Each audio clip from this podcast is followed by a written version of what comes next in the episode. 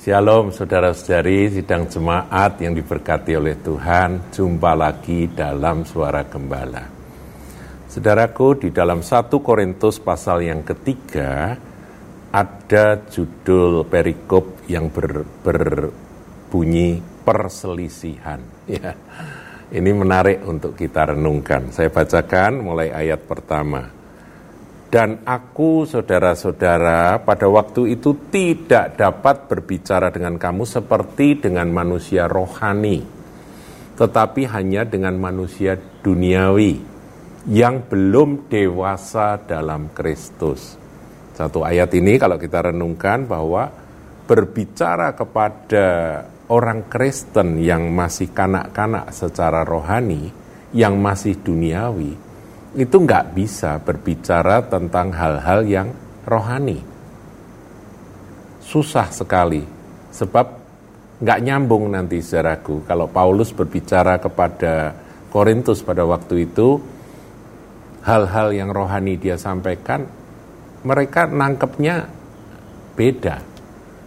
Jadi Paulus sadar sehingga dia berkata, waktu itu aku tidak dapat berbicara dengan kamu seperti dengan manusia rohani, tetapi hanya dengan manusia duniawi yang belum dewasa dalam Tuhan.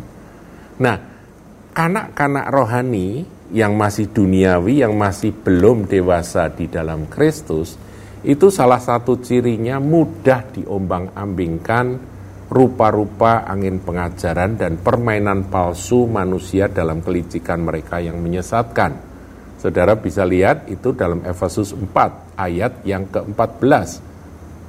Diharapkan oleh Rasul Paulus jemaat yang punya pengenalan dan pengalaman pribadi dengan Yesus Kristus Tuhan, mereka akan menjadi dewasa sehingga kita bukan lagi anak-anak yang diombang-ambingkan oleh rupa-rupa angin pengajaran, oleh permainan palsu manusia dalam kelicikan mereka yang menyesatkan.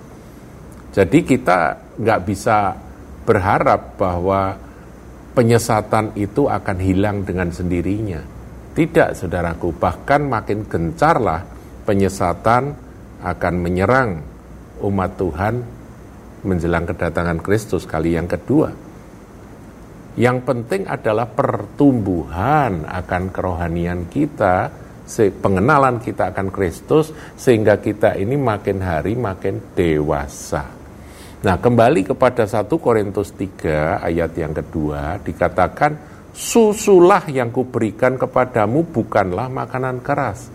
Jadi hal-hal rohani itu adalah seperti makanan keras yang tidak mungkin diberikan, disuapkan kepada anak-anak bayi. Bayi bisanya disusui, yaitu uh, nutrisi yang dibutuhkan oleh bayi yang sesuai dengan kondisi pencernaannya yang belum bisa menerima makanan keras. Gigi-giginya juga belum tumbuh, jadi belum bisa mengunyah. Yang diberikan adalah susu.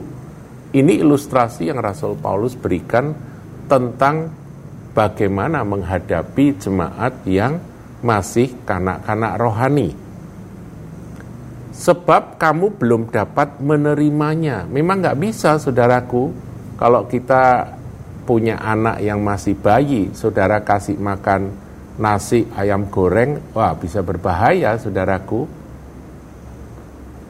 Bisa keloloten, saudara ya, bisa tersedak dan berbahaya. Perutnya juga belum mampu untuk menerima makanan-makanan itu. Jadi itu butuh pertumbuhan rohani dan anak-anak itu nanti akan bisa makan makanan yang lebih keras dan lebih keras. Dan sekarang pun kamu belum dapat menerimanya. Jadi Paulus juga terus terang bilang bahwa pada waktu aku menulis uh, surat ini kepada jemaat Korintus, kamu belum bisa menerimanya. Ini menarik, saudara. Kalau kita membaca surat Korintus, Korintus itu adalah jemaat karismatik, jemaat yang e, mempraktekkan karunia-karunia roh sehingga Rasul Paulus harus meluruskan, mengajarkan tentang peran atau fungsi dari bahasa roh di dalam kehidupan rohani. Kemudian bagaimanakah nubuatan itu harus uh, diatur di dalam sebuah pertemuan ibadah dan sebagainya. Kemudian sembilan karunia roh, roh itu oleh Rasul Paulus di di apa itu di di daftar supaya jemaat juga ngerti bahwa ada bermacam-macam karunia. Jadi mereka jemaat karismatik yang mempraktekkan karunia-karunia roh. Tetapi Paulus berkata bahwa mereka masih kanak-kanak rohani. Nah, salah satu ciri dari kanak-kanak rohani itu adalah perselisihan, saudara. Ayat 3, karena kamu masih manusia duniawi, sebab jika di antara kamu ada iri hati dan perselisihan, bukankah hal itu menunjukkan bahwa kamu manusia duniawi dan bahwa kamu hidup secara manusiawi? Jadi nggak dipimpin oleh roh sesungguhnya meskipun mereka eh, apa mempraktekkan karunia-karunia roh. Jadi orang yang karismatik yang apa mempraktekkan karunia-karunia roh jangan merasa lebih rohani saudaraku. Kerohanian seseorang itu dinilai dari pengenalan pribadinya akan Kristus Yesus Tuhan. Bukan karena dia punya apa pengalaman pelayanan karismatik enggak saudaraku ya. Nah, kalau sudah mulai bergolong-golongan ini lebih ngeri lagi saudara.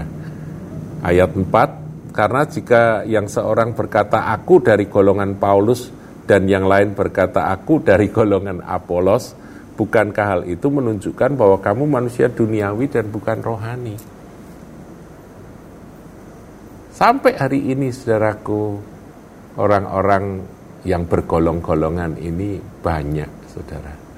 Aku kelompoknya si A, aku kelompoknya si B Ya kalau yang kelompok besar, aku Calvinis sejati, aku Arminian sejati.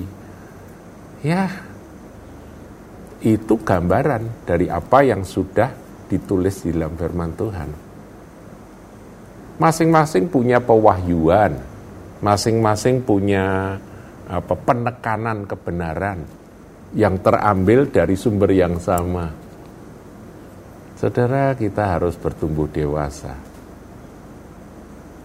hal rohani itu bukan hal intelektual, sama sekali bukan. Hal rohani adalah pengenalan kita akan Yesus Kristus berdasarkan pengalaman dan kerendahan hati dan pewahyuan dari firman Tuhan yang menjadi daging. Dan ini proses bertumbuh.